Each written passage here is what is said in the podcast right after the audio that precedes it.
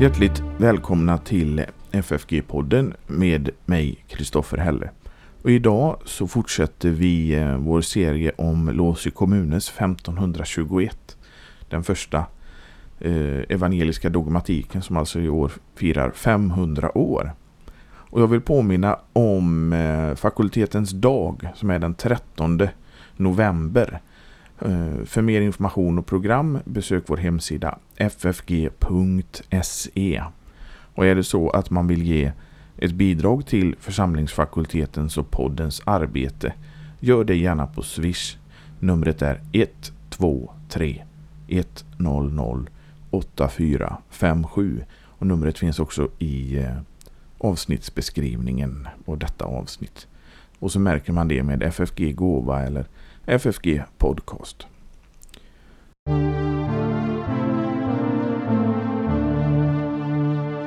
Och jag säger välkommen till en återkommande gäst, nämligen Pekka Heikkinen. Tack, tack. Hur är eh, läget i höstmörkret med dig? Jo då, det går bra med det också. Det gör det, ja. Och du är ute med hunden och, Ja, varje dag. Och går i skogen? Ja. ja. Vi ska prata om kapitel 5 i den här boken. Eh, om nåden. Det är ett ganska så kort kapitel. Ja, men mycket väsentligt innehåll. Ja, det är det. det, är det. Han börjar med att liksom blicka tillbaka lite. Så vi är på sidan, för de som följer med i boken, sidan 119. Och då börjar han alltså att så som lagen är kännedom om synden så är evangeliet löftet om nåd och rättfärdighet. Så det är alltså det är, evangeliet är löftet om nåd och rättfärdighet. Vad, vad läggs in i de här orden Pekka? Ja, när det gäller lagen så sägs ju här tydligt att det är kännedom om synden man får genom lagen. Och genom evangeliet får man kännedom om nåden och rättfärdigheten. Och när det gäller ordet nåd så menar ju Philip Melanchthon att det har blivit väldigt missbrukat och misstytt utav de så kallade skolastikerna eller filosoferna under medeltiden. Därför att eh, de menar med nåd en kvalitet som finns i de kristnas själar. Och allra svårast menar Philip Melanchthon har det blivit hos de här så kallade tomisterna. Därför att de placerar nåden som en kvalitet i själens natur. Tro, hopp och kärlek i själsförmögenheterna. Ja, han, han använder väldigt starka ord här om de här eh, heresierna. Som struntprat och sånt här. Ja, det gör han. Och smuts. Ja. Men de, de säger att det är en kvalitet. Vad menas med att det är en kvalitet? Ja, det är väl någonting positivt i själva deras leverne som kallas för kvalitet. Men det har ju även med tron och hoppet att göra enligt eh, vad som står här i hans bok. Men för de pratar ju om, om eh, det här med ingjuten nåd. Alltså att man medverkar till nåden. Ja, människan medverkar genom sin vilja och genom den en kraft som finns hos henne i hennes natur. Men det är ju ingenting som Melanchthon bejakar den här. Nej, naturligtvis inte. Utan Det är ju tvärtom. Han skriver då alltså Må de ogudaktiga människorna smutsa ner sig och bes- bestraffas för det förakt för evangeliet som de hyser med sitt struntprat. Det är alltså ett, då han menar att det är ett förakt för evangeliet. Ja. Eh, de har inte fattat innebörden i evangelium. För att det är någonting som ingen människa själv kan förstå eller räkna ut. Utan det är något som man måste få hjälp av den heliga Ande att få, få begrepp om. Och mm, han hänvisar här till profeten Jesaja som säger att alla ska bli lärda av Gud. Och det är just detta att den heliga Ande ska lära oss att förstå innebörden i evangelium. Men den här eh, oomvända människan, alltså den naturliga människan. Eh, hur står det till med tro, hopp och kärlek hos den? Eh, det finns ju inte hos henne. Utan det är någonting som den heliga Ande skapar genom nådens medel. För, till exempel tron, Eh, det uppstår ju, det är Guds ande i eh, relation till Guds ord. Alltså att man läser, brukar Guds ord brukar vi ju prata om. Och när ordet och anden samverkar så skapar det tro. Ja. Den heliga ande bor i ordet. Så man kan inte komma i kontakt med den heliga ande om man inte brukar Guds ord. Och därför så är det alltid någonting väldigt viktigt när det gäller kristendomen att, att man eh, läser Guds ord och, och hör Guds ord när det finns något gott att höra. Mm. Men den enda kärleken som, som, som människan har naturligt i sig det är ju kärleken till sig själv och synden. Ja, det är, det är väl så på ett sätt. Men det finns ju också som man brukar kalla för den naturliga kärleken. Till exempel att föräldrar älskar sina barn och, och barnen älskar sina föräldrar. Och att man överhuvudtaget eh, är välvilligt inställd till de som på något sätt står en nära i, i världen. Men annars är det väl kärlek till synd, alltså kärlek till Gud till exempel kan inte den naturliga människan ha. Nej, absolut inte. Utan det är tvärtom. Det är fientlighet emot Gud. Och, och kärleken blir istället då till sig själv och synden. Ja. Det är ju tragiskt detta att vi människor av naturen älskar synden. Ja. Och det, det är en, en plåga för, för sanna kristna människor när de märker det att de fortfarande, kanske efter många år, fortfarande har en dragning till och en kärlek till synden. Men det är ju, det är ju, någonting, det är ju någonting som eh, i den här världen alltid finns kvar. Ja. Och därför är det ett underbart mål att se fram emot att en gång slippa detta.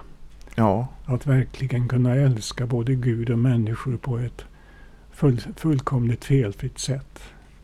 Men de här skolastikerna med sitt sätt att, resonera, försökte de skapa något form av himmelrike på jorden då? Eller vad, vad, vad tror du att de... Det kan jag inte säga någonting om men fel blev det i alla fall. När de tillskrev människan sådana krafter. De tillskrev människan väldigt mycket, både det här med vilja och, och sånt som inte eh, ligger naturligt i människan. Ja, det gjorde de. Men jag tänkte på det här med hopp. Eh, hoppet om evigheten som vi har, hoppet om frälsningen. Det ligger ju inte heller naturligt, naturligt hos människan utan istället är det väl kanske hopp om förmögenhet och eh, eh, lycka, världslig lycka, det som tillhör den här världen. Ja, det är ju det som en, en ogudaktig eller oomvänd människa strävar efter. Det är ju efter något som är positivt i, i, eh, i världsliga människors tycke. Mm.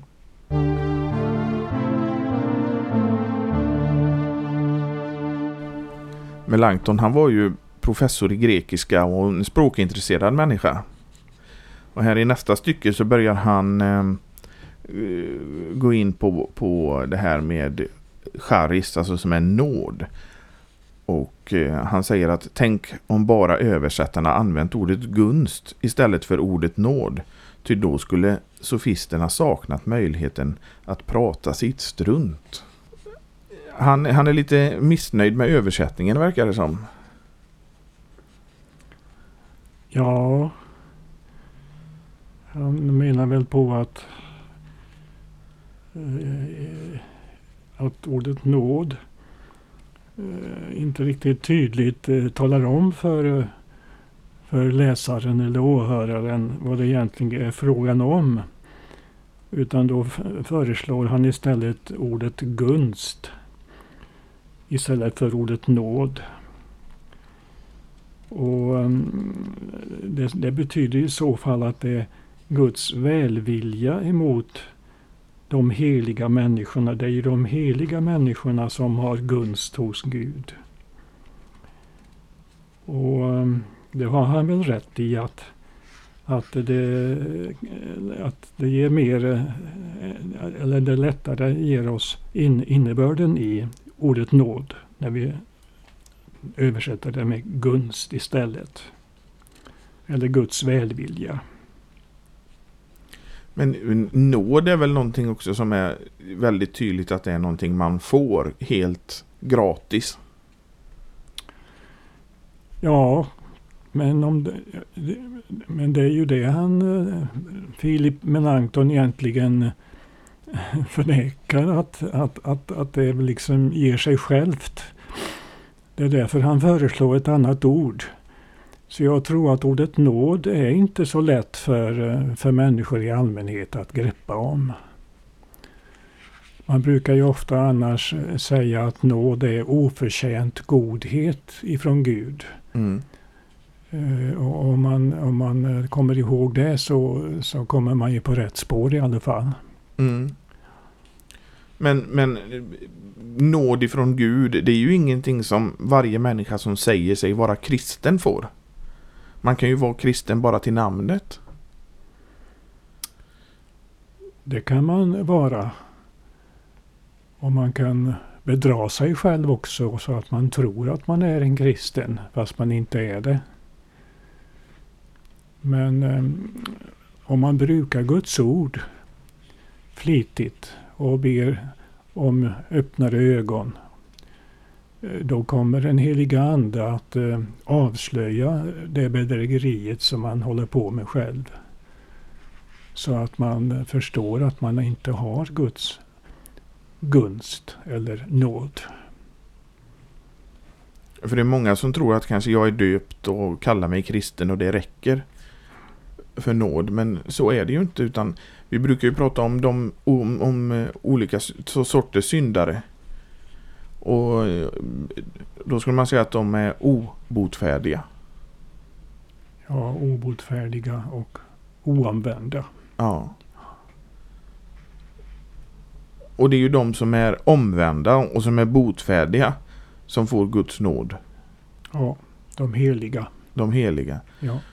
Och det kanske vi ska säga, det är ju snart alla helgons dag. Och vad menas, vi kanske kan säga, vad, vad menas med, med helgon? Ja, det beror på vilken kyrka man tänker på. Vi tänker alltid på den lutherska kyrkan här. ja, då bör tanken gå till uttrycket helig. Det talas ju om heliga människor i Guds ord. Och det är alltså människor som eh, är döpta och som tror på Herren Jesus Kristus. Det är de som kallas för heliga på de flesta ställena i Nya Testamentet.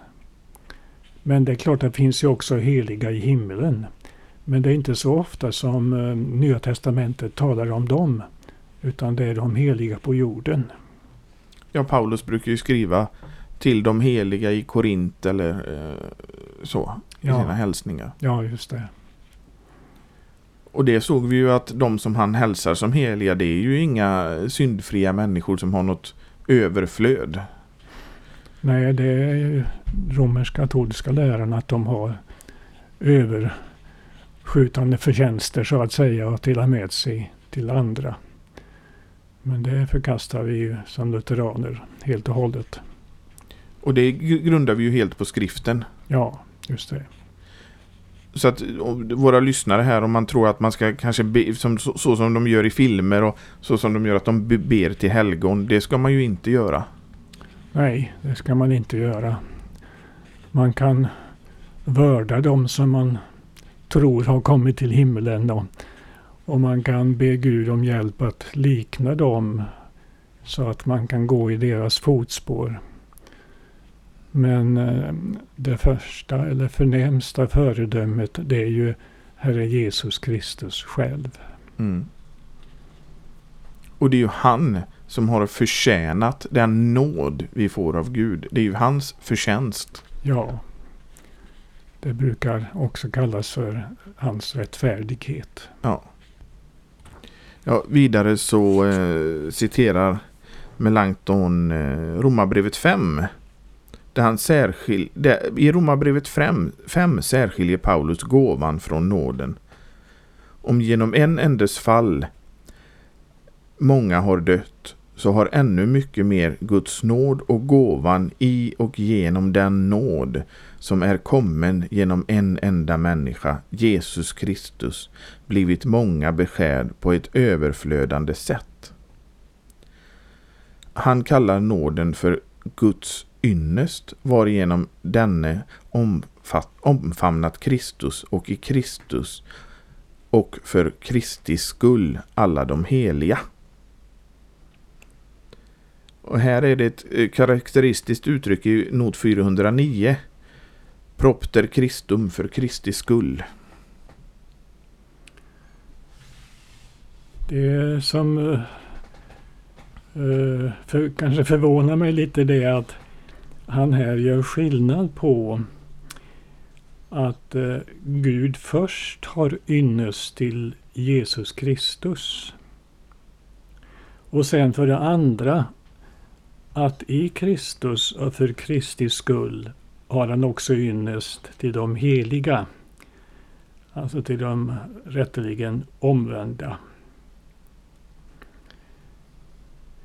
Sen när det gäller nåden så gör han som vi har hört skillnad på nåd och gåva. Nåden, det är själva ynnesten. Men eh, och denna ynnesten och gåvan, det är den helige Ande.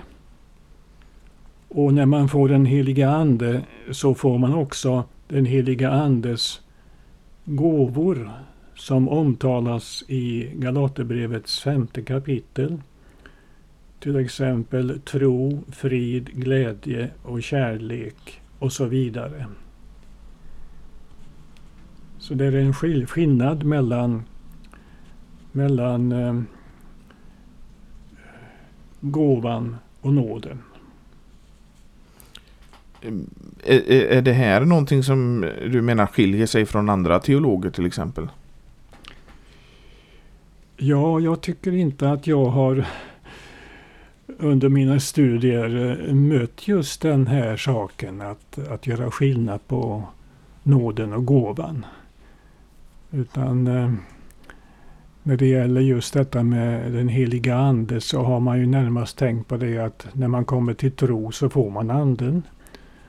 Och eh, då är det andens uppgift då att eh, hjälpa en människa att leva på ett kristligt sätt så att det blir kärlek och hopp och, och tro och så vidare.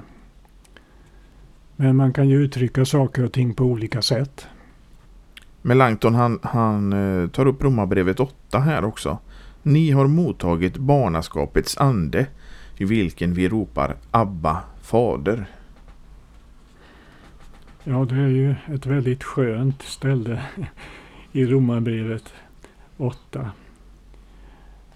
När en människa blir döpt och tror på Jesus så blir hon ju inte fri ifrån djävulen. Men djävulen har ju inte längre sitt, sitt säte i hjärtat utan blir utdriven ur hjärtat. Sen finns han utanför och kommer med sina frestelser. Men han blir utdriven ifrån själva hjärtat.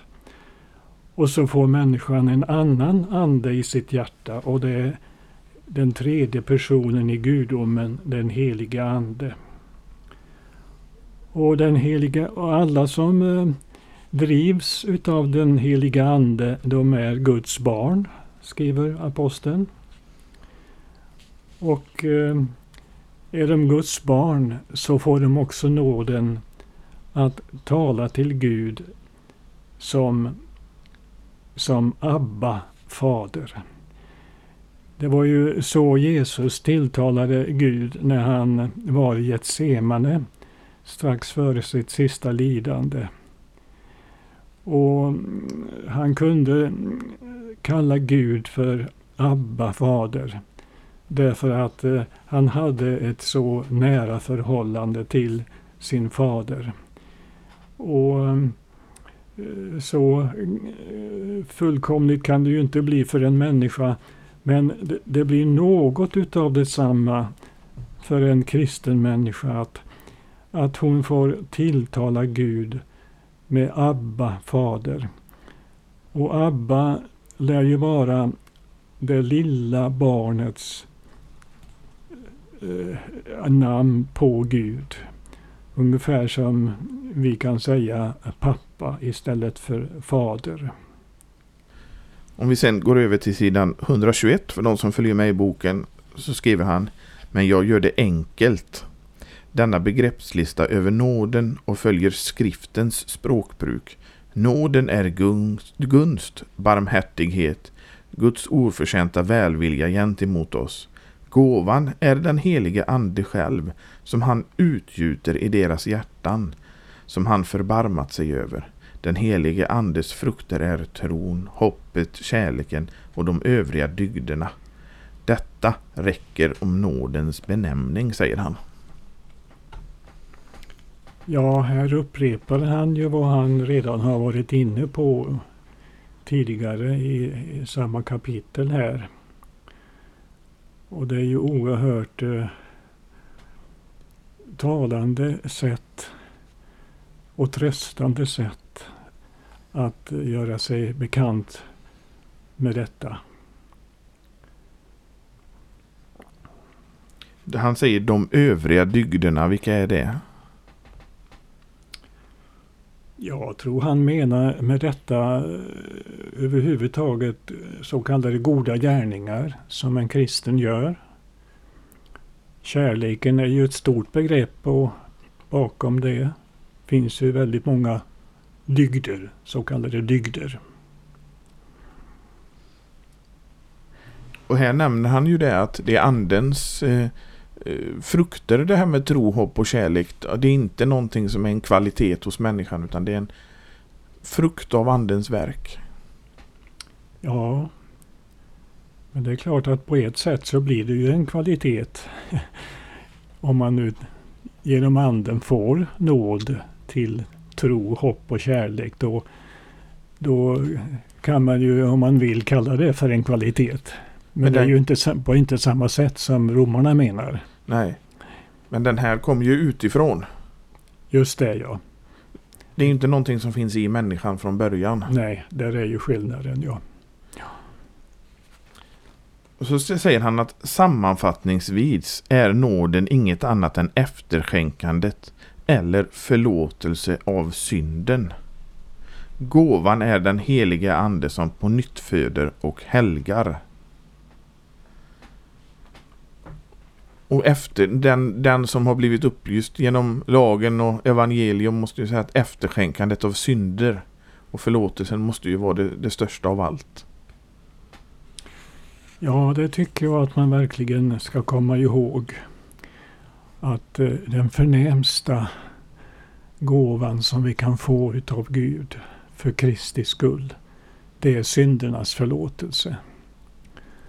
Jag, lede, jag läste för ett tag sedan en, en, en bok där författaren, nu minns jag inte författarens namn, men författaren menar att, att det, det är någonting som Luther höll fast vid under hela sitt liv. Syndernas förlåtelse.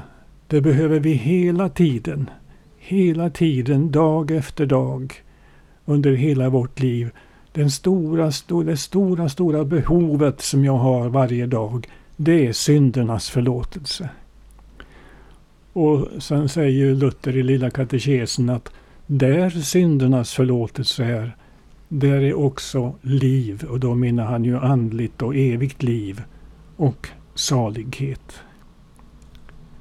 Så viktigt är det med syndernas förlåtelse att man skulle inte kunna få någonting mer om man inte först får syndernas förlåtelse. Och det är också det som han nämner här har vi eh, att det är den gåvan är den helige ande som på nytt föder och helgar. Alltså man måste födas på nytt för att få eh, nåd. Det måste man göra, ja. Och mm, den här pånyttfödelsen sker ju genom nådemedlen. Jesus han sa ju till Nikodemus att den som inte blir född av vatten och ande den kan inte se Guds rike och, och, då brukar man ju fatta ordet vatten där att det är en syftning på dopet. Och ande skulle ju då vara mer en syftning på Guds ord. Mm. Men det är ju också att den som har avfallit från sitt dop ska ju inte döpas igen. För att bli född på nytt en gång till utan det har du redan blivit. Ja, men man behöver inte döpas på nytt. Och det var ju en villfarelse som reformatorerna fick kämpa emot. Vederdöparna så kallade. Att eh, Guds löfte det står fast och Gud ångrar sig inte och han är öppen för alla som vill återvända till honom. Men Guds ande kan ju föda, eh, den, den som har avfallit från dopet kan ju Guds ande genom ordet födas på nytt. Ja, det lär ju den heliga skrift att eh, även genom ordet kan man bli pånyttfödd. Det kan man till exempel läsa i eh, aposteln Jakobs brev. Och eh, det har ju blivit strid om detta i, i, i, den finska kyrkan att där har vi en, en teolog som driver tesen att man kan inte bli pånyttfödd genom Guds ord utan bara genom dopet. Men eh, det finns andra som har gått emot där och, och jag tror att det, det, är de som har rätt att, att man kan verkligen bli pånyttfödd genom Guds ord. Aldrig utan Guds ord. Och det är ju faktiskt så att redan i dopet så är Guds ord med. Mm. För när man säger det att jag döper dig i Faderns, Sonens och den heliga Andes namn. Då är ju Guds ord med. Mm. Det är en nödvändig sak för att man ska kunna bli född på nytt. Men till exempel en sån som Henrik Schartau menar ju att du nästan i princip måste bli på nytt född av ordet.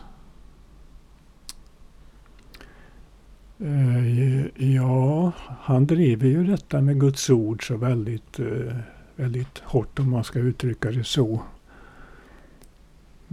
Och mm, jag tror att i den eh, chartianska traditionen eh, så har dopet inte riktigt en så stor plats som den borde ha. Utan det är mer just att allting ligger på ordet. Så det tycker jag är en brist i så fall i den gammalkyrkliga traditionen. Mm. Men man ser på, på på Luther själv så ser man ju utvecklingen från att han var romersk-katolsk och såg dopet som en engångsföreteelse tills han blev eh, mer och mer eh, bevandrad i ordet så att säga och såg dopet som någonting väldigt stort. Ja, det var tillväxt, en tillväxt hos Martin Luther under hela hans leverne. Han ansåg sig ju aldrig vara färdig utan han var på färd, på, han var på väg till, mm. till att bli färdig. Och, och, det är ju ett fint sätt att tänka om sig själv som kristen. Att jag, tänk om jag bara var på väg. För om jag bara är på väg, på den rätta vägen, så ska jag komma fram. Det kommer en heliga ande att stå för. Mm.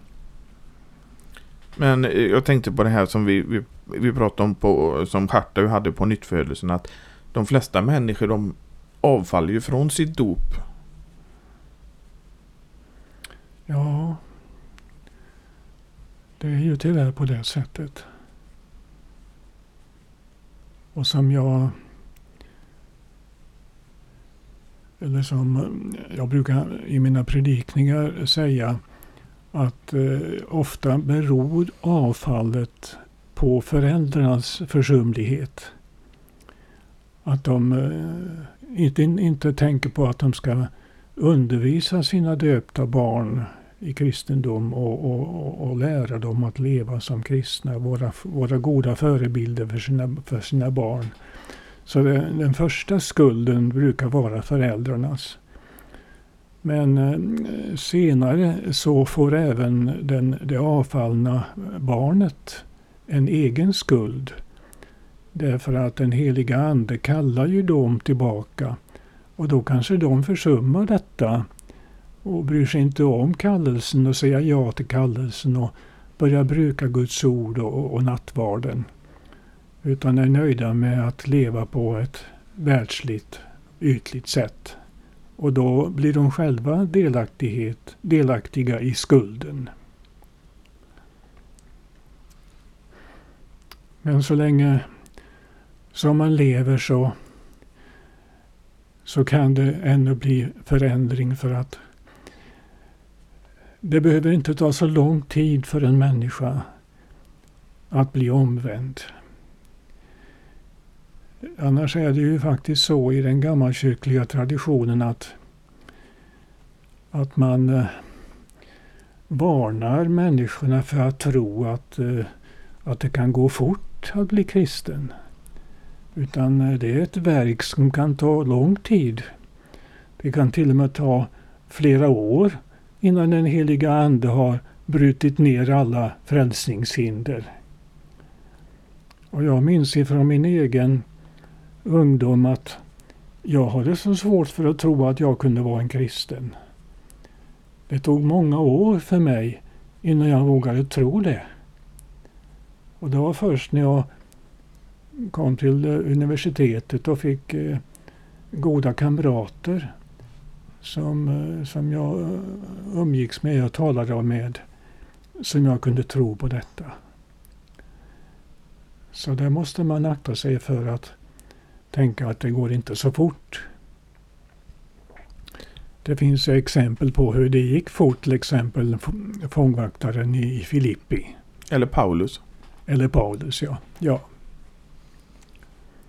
Och det, det är noga med så att en omvändelseprocess ser inte likadan ut som den andra. Utan Guds ande gör sitt arbete på, utefter så som Gud ser behovet. Ja, man kan aldrig säga eh, precis hur det ska gå till. Utan det är en helig ande som är självständig när det gäller omvändelsen. Huvudsaken är att Guds ord finns med. Jag tänkte på en annan sak med, med nåden. Och det är till exempel de, de reformerta lär ju att så fort du syndar så faller du ur nåden och får arbeta dig tillbaka. Men så lär ju inte den lutherska kyrkan. Utan där stannar du kvar i nåden. Så länge du har hjärtat inställning är att du vill bli av med synden. Och så länge som tron finns kvar i hjärtat så är man kvar hos Gud. Trots att man faller dagligen. Luther säger ju i Lilla katekesen att vi syndar dagligen på många andra sätt och förtjänar ingenting annat än straff. Det är ju en, en tråkig beskrivning utav den kristna människan. Mm. Men det är, det är realistiskt att beskriva henne sådan. Men så länge tron finns i hjärtat så finns, eh, är man kvar i, i nåden så att säga. Då finns förlåtelsen hela tiden.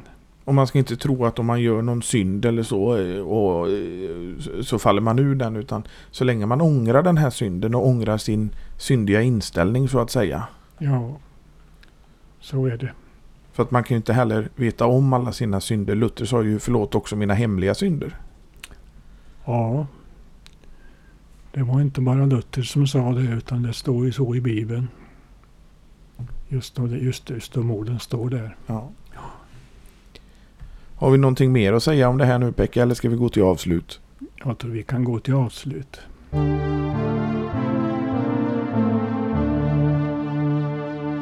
Då säger jag tack till dig Pekka.